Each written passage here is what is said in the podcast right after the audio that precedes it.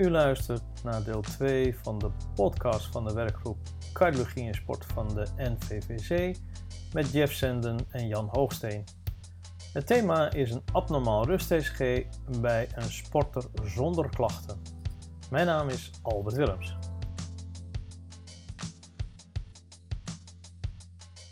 Volgende casus. Een 22-jarige basketballer met op het rust-ECG een linkerventrikel hypertrofiebeeld. Je, eh, Jeff. Alles uit de kast halen? Nee, ik zou niet alles uit de kast halen. We hebben sommige dingen al vaak genoeg gehaald. Ik zou zeker een echo maken hierbij. En gezien het feit dat hij 22 jaar is, wil ik ook uh, zijn lengte en zijn gewicht weten. Ja. Te kijken of het dan nog binnen de norm Het is een topbasketballer, hij is 2 meter 2. Dus ze zal een grote linkerkamer hebben. Ja. En ik wil weten hoe dik die kamer is. En ik wil ook weten of er nergens hypertrofieën zijn. Als je kijkt uh, naar kamerdiktes, wat is in jouw ervaring een dikte waarvan je zegt, nou, dit, dat kan geen adaptatie zijn door het sporten, dat moet pathologie zijn? Dat is moeilijk te zeggen. Voor duursporters is dat uh, meer dan uh, 12 of 15 millimeter. Heb je krachtsporters, uh, weet ik uit ervaring, dat die toch vaker dikkere kamers hebben door de hogere bloeddrukken die ze op moeten wekken. Jan, bij wielrennen? Nou, ik wou nog wat kleur in de, in de strijd gooien. Ik vind het wel heel belangrijk, is het een zwarte ja. of een uh, ja. witte, ja. witte sporter? Ja. We weten dat uh, de zwarte atleten toch wat zwaardere kamers hebben, uh, wat dikkere wanden.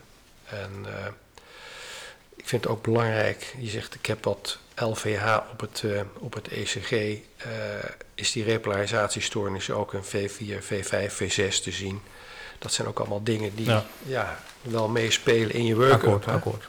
Nee, maar dit is echt een ECG. Als wij met z'n drie het ECG zouden beoordelen, dan zeggen we jongens, dit is niet een raciaal bepaald ECG. Het is wel een donkere uh, ja. basketballer. Maar het is echt een, een, een abnormaal ECG passend dus, bij een linker ventrikelhypertrofie, CQ. Ja, misschien wel bij een hypertrofische. Met repolarisatiestoornis? Met repolarisatiestoornis, okay. ja. Ja, dat had ik... Ja. Maar dat is een gegeven wat je dan, nu... Uh, ja, dan ja. is de stap naar een MRI is voor mij heel klein. Ja, dat was mijn volgende vraag. Maar wat wil je dan weten uh, uh, bij zo'n MRI? Ik bedoel, dik is dik, toch? Of niet? Ja, maar waar je natuurlijk je wil uitsluiten dat het toch een HCM is, een hypertrofische cardiomyopathie. En je krijgt dan de extra informatie, is er fibrose en dat soort dingen. Dat zijn wel denk ik belangrijke dingen. En je kunt die linkerkamer veel nauwkeuriger meten met een MRI dan met een echo. Ja. Als je kijkt naar echo, de rol van strain bij uh, linkerventrikelptofie? Ja, nou dat is de, het onderzoek wat natuurlijk uh, belangrijk is, denk ik, bij, bij de linkerventrikelhypertrofie en de strain. Daar, maar dan moet je wel een beetje, ja, moet je ook een beetje weten hoe dat werkt. ik denk dat het een belangrijke bijdrage levert om het wel of niet aanwezig zijn van een, een maar Jeff, jij bent, Jeff, jij bent natuurlijk al ja, jarenlang werkzaam ook op uh, het gebied van sportecologie. De anamnesis is altijd heel belangrijk, maar nou heb ik je de casus voorgelegd. Het is een 22-jarige donkere atleet, basketballer. Vind je dat de, de sport, het basketbal, dat je daar voldoende argumenten voor zou hebben om een linkventrikelhypertrofie mee te verklaren? Of zeg je van nou, eigenlijk is het niet een zodanig hoogintensieve uitoefening van het vak dat je überhaupt een linkerventrikelhypertrofie hierbij kan verklaren? Nou, al die atleten worden steeds meer atletisch, trainen steeds harder, trainen steeds meer hun spieren. Dus daarmee zou je toch kunnen verklaren dat een linkerkamerhypertrofie heeft. Uh, ik vind dat een uh, hele terechte, maar ook hele moeilijke vraag om te beantwoorden. En ook om samen met de beoordeling van echo, de strain en ook de MRI, om te kijken hoe nou precies in elkaar zit. Oké, okay. je bent, jij bent nu ervan overtuigd dat dit een cardiomyopathie is. Wat ga je verder doen? Je hebt een MRI ja. gedaan en je zegt, oké, okay, dit is een hypertrofische cardiomyopathie. En dan? Cardiogenetica. Er is maar één antwoord mogelijk.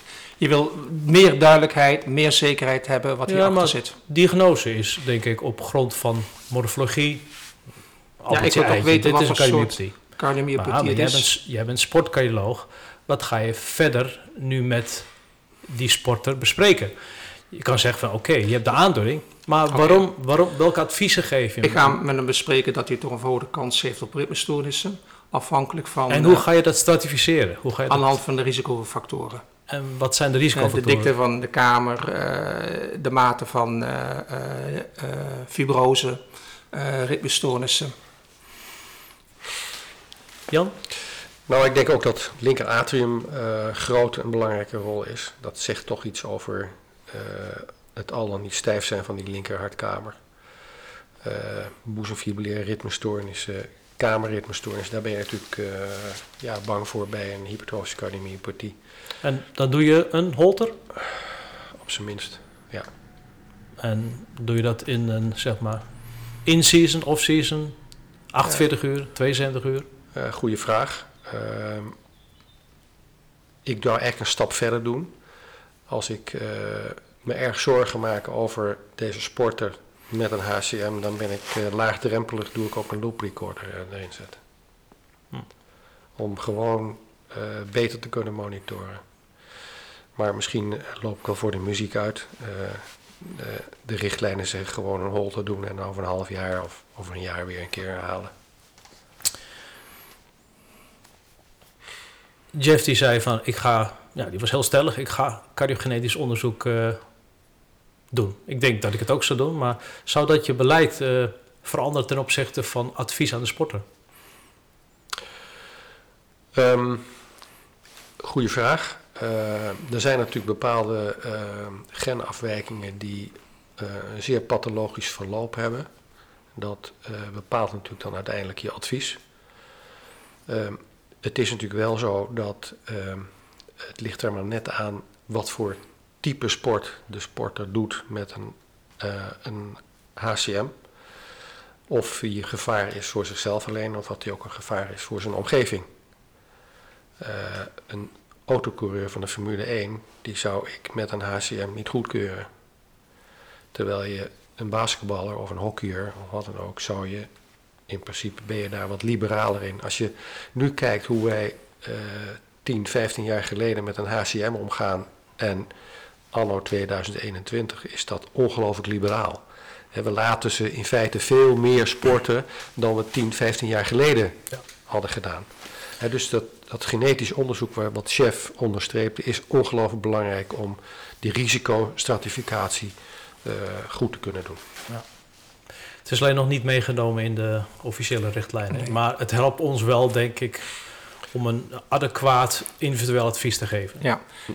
En de wetenschap over die cardiogenetica is zo toegenomen. Het gaat zo snel, Albert. Uh, dat ik ook heel nauw overleg met de cardiogeneticus in Utrecht in dit geval. Of inderdaad ook Amsterdam. Ja. Dat Ik... De, zeg maar, als je geen sporter bent, dan heb je de ja, zogenaamde HCM risicocalculator. Gebruik je die ook bij een sporter? Um, ja, ik weet dat die bij een sporter, uh, dat je hem eigenlijk niet moet gebruiken. Uh, omdat daar natuurlijk uh, ja, toch een beetje andere maten, een ander algoritme. Maar ik, ik, ik zet hem altijd wel even aan. Ja, maar je hebt niks anders hè? Nee. Maar als je inderdaad kijkt bij de opmerking van de HSM calculator, gebruik hem niet in, in geval van sporters. Dus dat is een beetje het paradoxale natuurlijk. We hebben niks anders, maar ja, we gebruiken hem wel.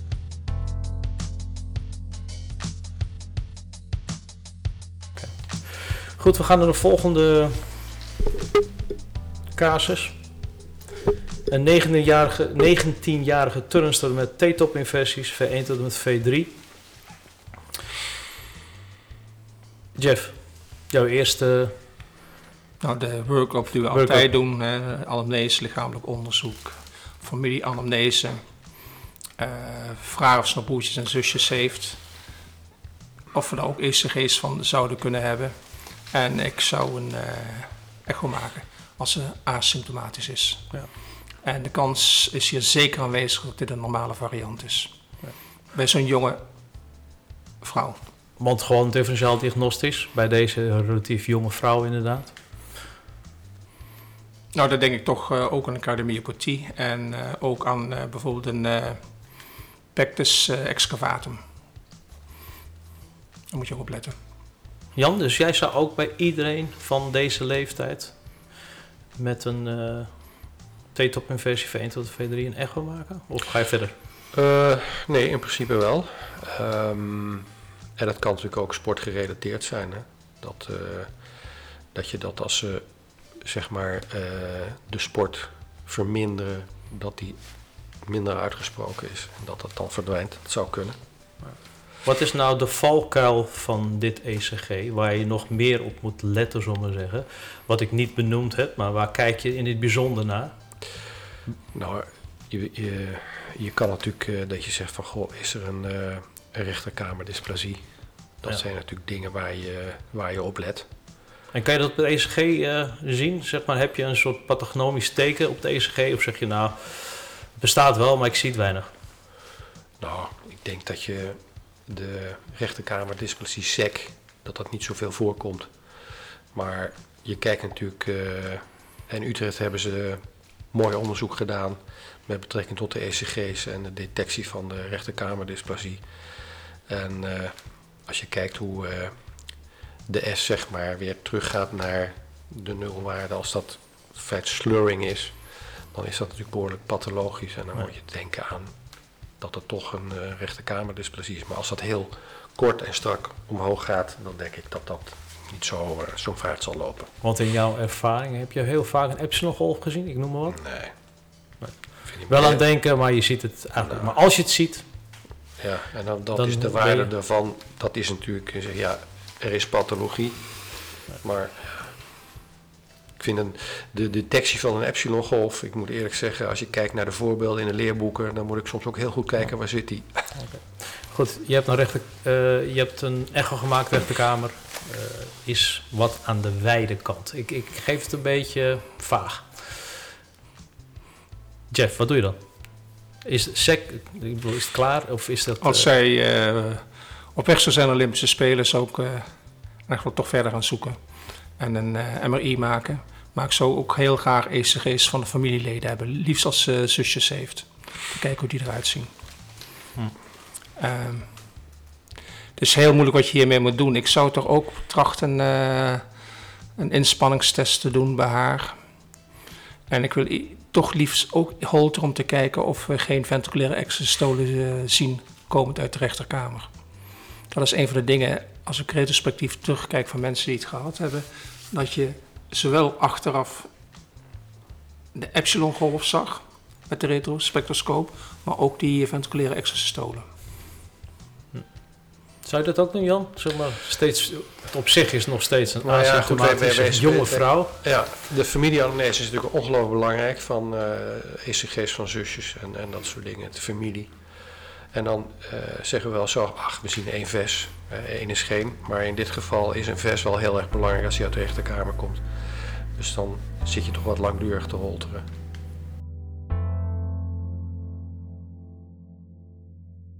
Oké, ik heb um, een volgende casus die misschien aanleiding kan geven tot veel discussie. Maar dit is een uh, amateur sporter, 44 jaar. En die heeft een ECG laten maken en die wil in het kader van Alp 6 in de Alp gaan fietsen. En op het rust-ECG is hij een pathologische Q inferior. Wat ga je doen?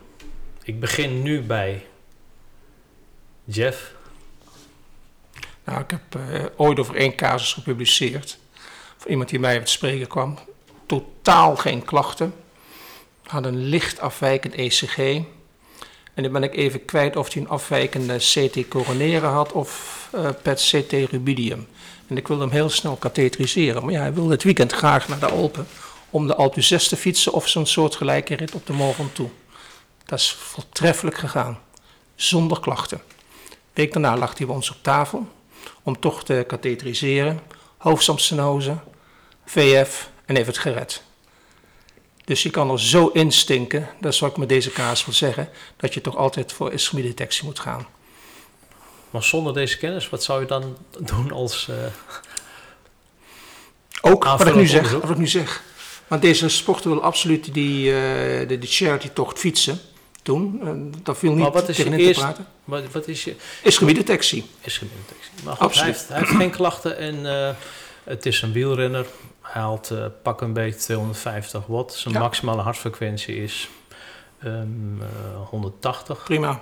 Uh, geen ST-depressie en dan? Ja. Toch is detectie met PET-CT of een CT coroneren. Jan, jij bent de wielrenner. Absoluut. Uh, wat jij zei, uh, pak een beetje 150 watt, dan zou ik hem zo adviseren om niet naar de Alp te gaan. Want met de 150 watt kom je, niet, kom je niet boven. Uh, nee, als deze sporter nu tegen de 400 watt trapt en heeft een kuur op zijn ECG.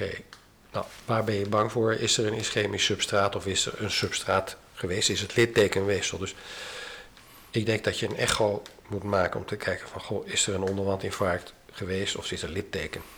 En dan ben je natuurlijk benieuwd van, ja, als het dan toch is, moet ik dan chef uh, zijn woorden van ik ga ischemiedetectie doen bij een asymptomatisch iemand. We weten allemaal wat natuurlijk uh, de inspanningstest SEC voor ischemiedetectie, ja, lala is. Ik bedoel, daar de kans dat je dan wat vindt is niet zo groot. Uh, ja, in feite moet ik chef gelijk geven dat je, zeg, als hij deze inspanning wil doen, uh, zware training, zware wedstrijd in de Alpen wil fietsen, dan zou je dat toch moeten uitsluiten. En dan zou je kunnen kiezen tussen een CT-coronaire, dat is dan het minst uh, invasieve. Uh, heeft de mogelijkheid voor een rubidium. Dat zijn maar weinig plekken in Nederland waar je dat kan doen. Dus ik zou dan in dit geval kiezen voor een CT-coronaire. Hm.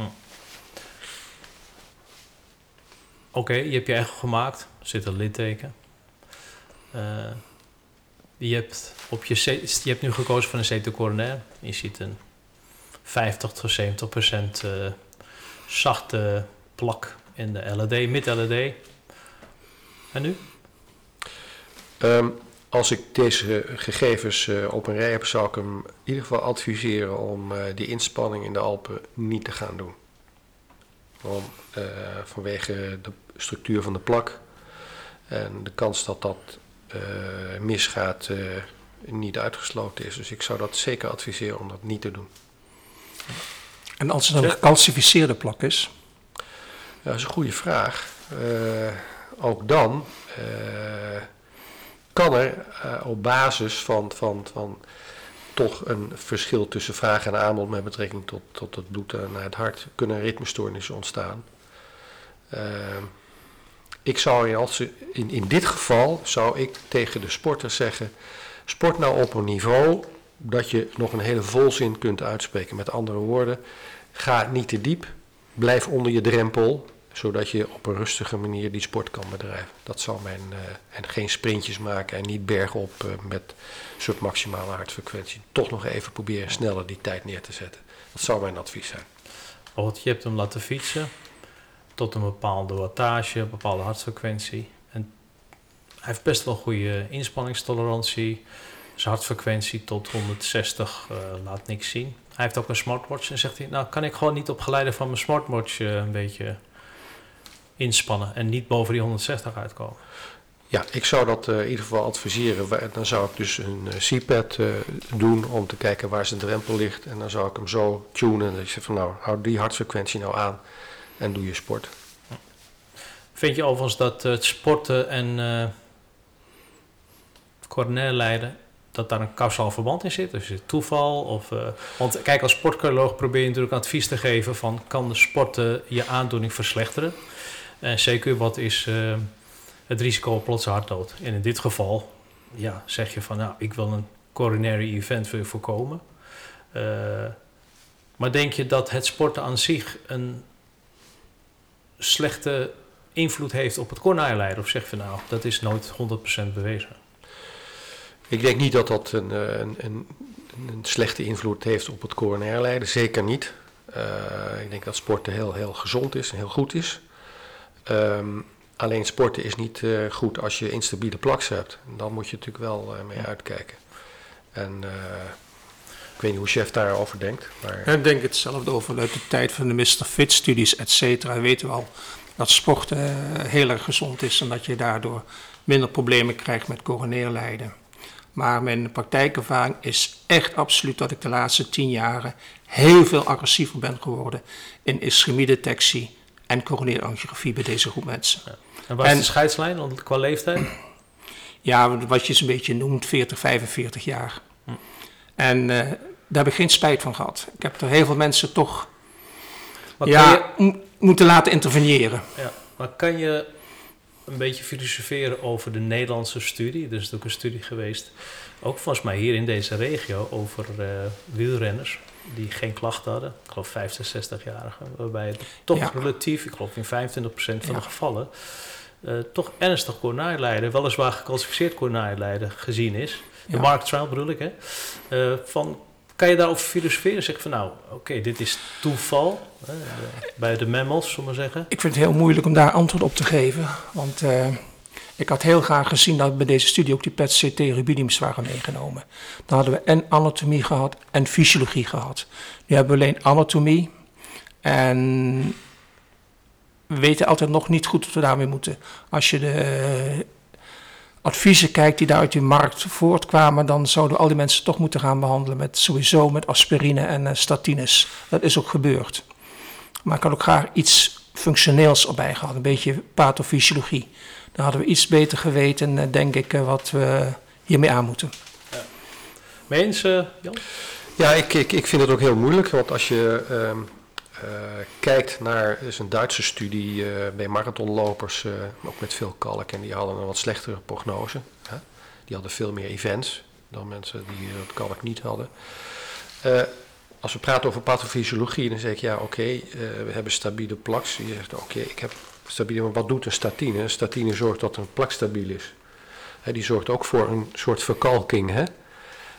dus de vraag is van, ja, doe dat, uh, doe dat iets met, uh, als je die verkalking hebt. Het, het is zeker het geval als je soft plaks hebt of mixed, geen enkel probleem. Maar als je echt alleen maar verkalkte plaks hebt, de vraag is, uh, heeft een statine meerwaarde? Ik zou dat niet weten. Hm.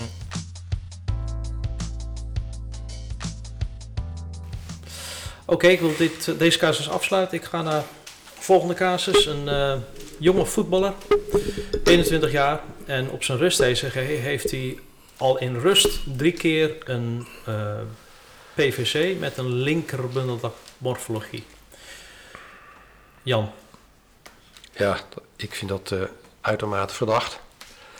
Uh, dus ik zou me echt op die, die rechterkamer induiken van, jongens, wat is hier aan de hand? Ja. Dus ja, je bent natuurlijk heel bang voor een arythmogene cardiomyopathie. En we, we vallen in herhaling, maar de anamnese, familie-anamnese, de hele riedel is natuurlijk ongelooflijk belangrijk. Maar dit is uh, voor mij een, een rood licht ja. op het rust-ECG. Oké. Maakt het nog uit uh, hoe de, de, de hartas is bijvoorbeeld? Jazeker. Uh, kijk, als die natuurlijk uit de outflow track komt, dan ben ik wel, dan is het vaak triggered activity, dan ben ik niet zo heel, zeg maar, um, bang voor pathologie. Maar als hij natuurlijk een andere as heeft, dan, uh, dan ben ik natuurlijk uh, ja, gespinst op dat dat waarschijnlijk mogelijk pathologie inhoudt. Ja, en wat doe je dan? Wat is je volgende stap? In ieder geval een, een echo en een MRI. Oké. Daarop zie je geen aanwijzingen voor een vergrote rechterkamer. Uh, zeker geen aanwijzing voor een arimogene rechterkamerdysplasie. De vesten komen niet uit de RVOT. Wat is je volgende stap? Nou, ik had eigenlijk een stap eerder moeten zijn. Ik wil ook een inspanningstest. Hè? Want als ze natuurlijk verdwijnen bij inspanning, dan maakt me dat ook wel minder ongerust. Is dat zo? Dat heb ik vroeger ook altijd geleerd. Dat is ons altijd geleerd uit, op basis van uh, expertniveau. Maar hebben we daar echt evidence voor? Volgens mij staat het ook nog in de richtlijnen die recent zijn uitgekomen. Maar de kijk jullie, e- dacht het wel. Ik kijk, me, ik kijk jullie even aan dat we daar uh, dat we dan minder bang hoeven te zijn voor pathologie. Als ze het RVOT komen? Ja, ja, ja. Ja, ja nee, oké. Maar als ze ook verdwijnen bij inspanning. Wat ik uh, in ieder geval van onze hooggeleerde collega wilde altijd leren, als je kijkt van PVC's met een linkerbund blokpatroon, dat het belangrijk is dat je inderdaad kijkt van naar de hartassen. Als je PVC's hebt met een linkerbundpatroon en twee, dan wel drie verschillende hartassen, dan ben je eigenlijk al klaar. Want dan uh, bijvoorbeeld eentje vanuit de rechterkamer, eentje vanuit de outflow en eentje vanuit de basis. En dat noemt hij dan de triangle of dysplasia. Dan ben je eigenlijk op grond van je ECG ben je eigenlijk al klaar met, met de diagnose. En dan kan het, de MRI kan helemaal normaal zijn. Maar een jaar later, twee jaar later, krijg je uiting van een uh, morfologische AVC. Dus ik vind dat wel belangrijk om te benoemen.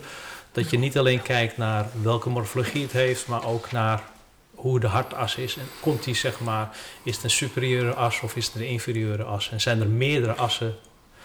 Uh, maar jullie zijn erover eens dat je altijd echo, MRI, inspanning, holte doet. Want dat, daar komt het op neer.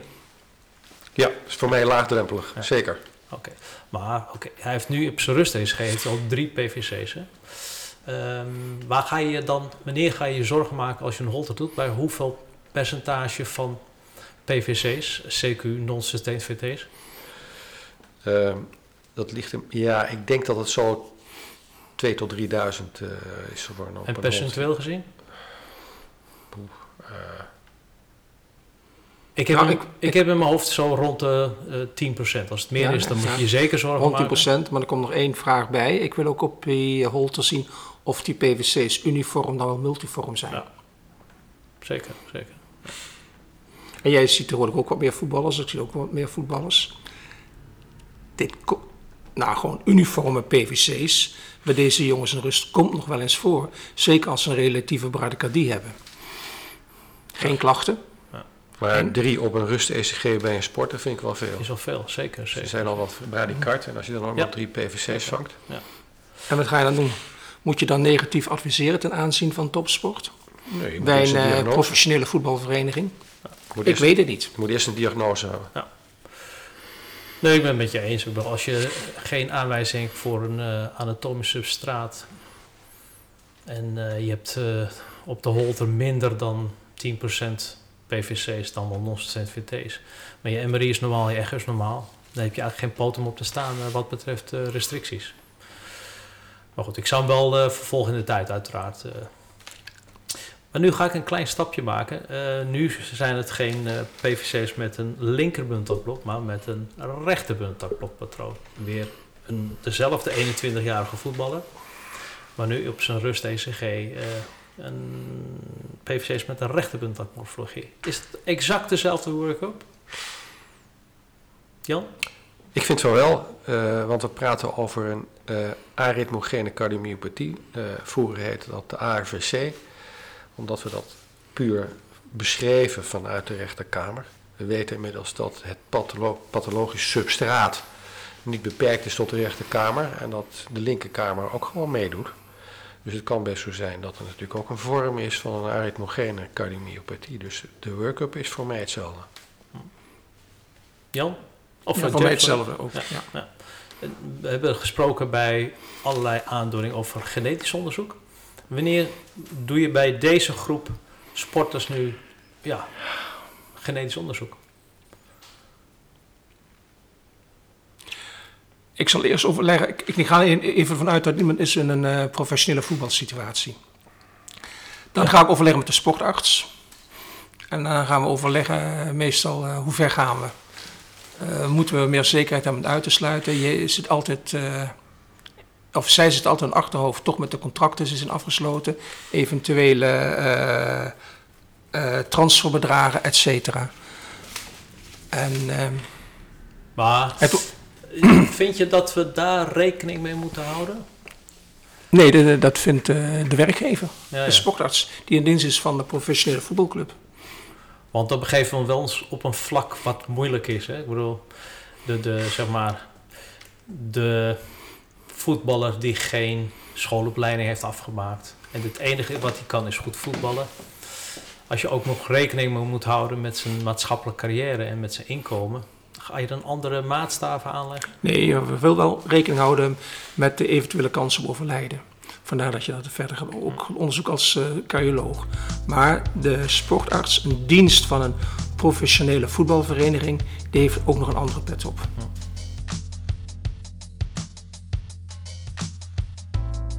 Uh, nog even terugkomen. Um, als je de PVC's hebt, um, kijk je ook nog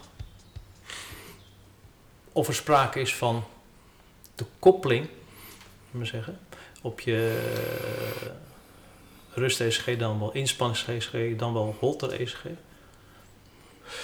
Nou, ik, ik denk dat als ze gekoppeld zijn bij inspanning, dat dat natuurlijk wel, uh, dat maakt me wel wat onrustiger. Dan denk ik eerder aan pathologie dan geïsoleerde PVC's. Want wij zijn natuurlijk nog steeds opgevoed met uh, de klassieke indeling, met de R-on-T phenomenons.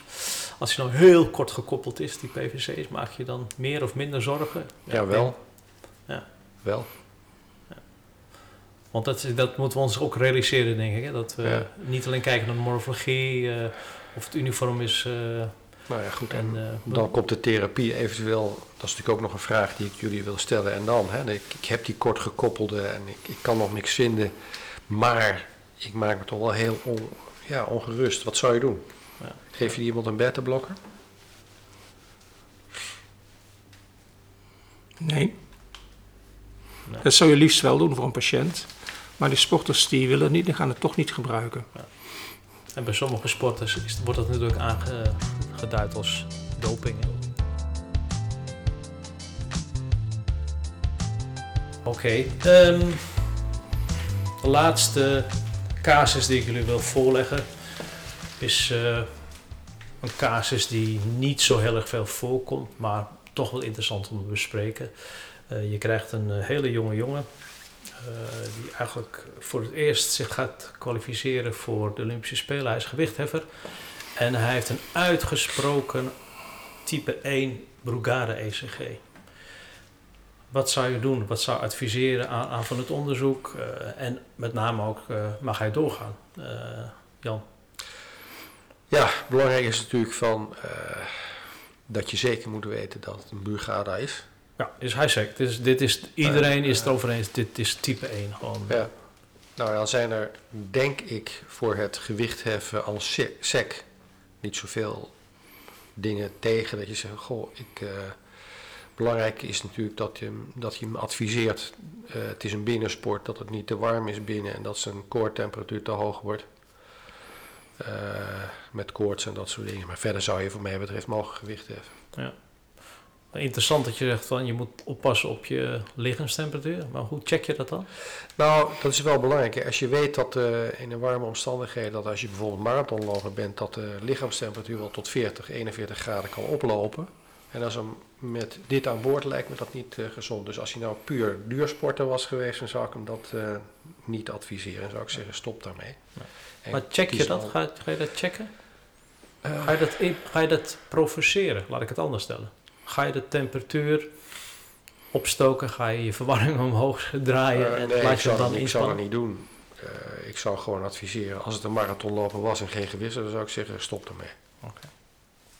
Jeff? Ja, ik heb de neiging om te zeggen, stop ermee. Uh, maar hier is ook te weinig bekend om een heel goed advies te kunnen geven. De familiebrigade heeft in het verleden gezegd dat er nooit iemand uh, is overleden aan sport. Daar zijn ze een beetje op teruggekomen en hebben met name over die categorie die Jan net zegt. Toch uh, mensen die een duursport doen, hoge temperaturen, uh, verlies van elektrolyten, et cetera. Wat is überhaupt ik, weet, ik weet niet of je bij een gewichtsheffer, dus een krachtsporter, wat de impact is. Ik kan daar eerlijk gezegd geen goed antwoord op geven en ik blijf het schuldig. Ja. Maar wat is überhaupt jouw aanvullend onderzoek bij een Brugada? Want we hebben het uh, bij de vorige casussen eigenlijk over gehad van we doen inspanningsECG, Holter, uh, echo, MRI. Wat doe je bij een Brugada? Echo en MRI. Waarom en dat is ook weer gebaseerd op het feit dat ik een uh, heb gehad en die ook flink veel mountainbiking deed. En toen die binnenkwam in het ziekenhuis na een reanimatie, toen dacht ik, even nadenken, toen dacht ik, het is een rechterkamerdysplasie. En later zag ik, daar zag ik, is er is hij nee, is een brugada. Wat is het nu? Dat was dus een combinatie van beide. Ja, maar oké. is ook weer casuïstiek. Ik weet het. Maar sportcardiologie is casuïstiek. En je laat je leiden door je ervaringen. Oké. En de Brugada, um, nou is, gaat een klein beetje de casus iets veranderen, Jan. Nou zegt hij van, ja, af en toe ben ik toch wat duizelig. En je hebt aanvullend onderzoek gedaan. Een holter en dat soort En holter, eigenlijk vind je niks. Maar hij, hij is toch wat duizelig bij, nou, in dit geval, het gewicht heffen. Ja, dat je duizelig bent bij een gewichtheffer, dat kan natuurlijk meerdere oorzaken hebben. Maar uh, belangrijk is dat je natuurlijk probeert detectie te doen of er geen hartritmestoornis is. Dat is natuurlijk in feite wat je wil. En als je kijkt een holter met een gewichtheffer, dat kun je wel vergeten. En dan zul je waarschijnlijk ook een loop recorder bij die jongen moeten implanteren. Als dat heel important is dat hij die sport blijft doen. In het kader van uh, landenwedstrijden of professionele sport. Nog aanvullingen, Jeff? Nee. Oké, we zijn uh, aan het einde gekomen van een uh, uurtje met elkaar praten over de sporter die asymptomatisch is, maar die wel een abnormaal rust-ECG heeft. Ik dank jullie voor dit gesprek en de leuke discussies. En ik zou zeggen, tot de volgende keer. Heel graag gedaan. graag gedaan. Tot ziens.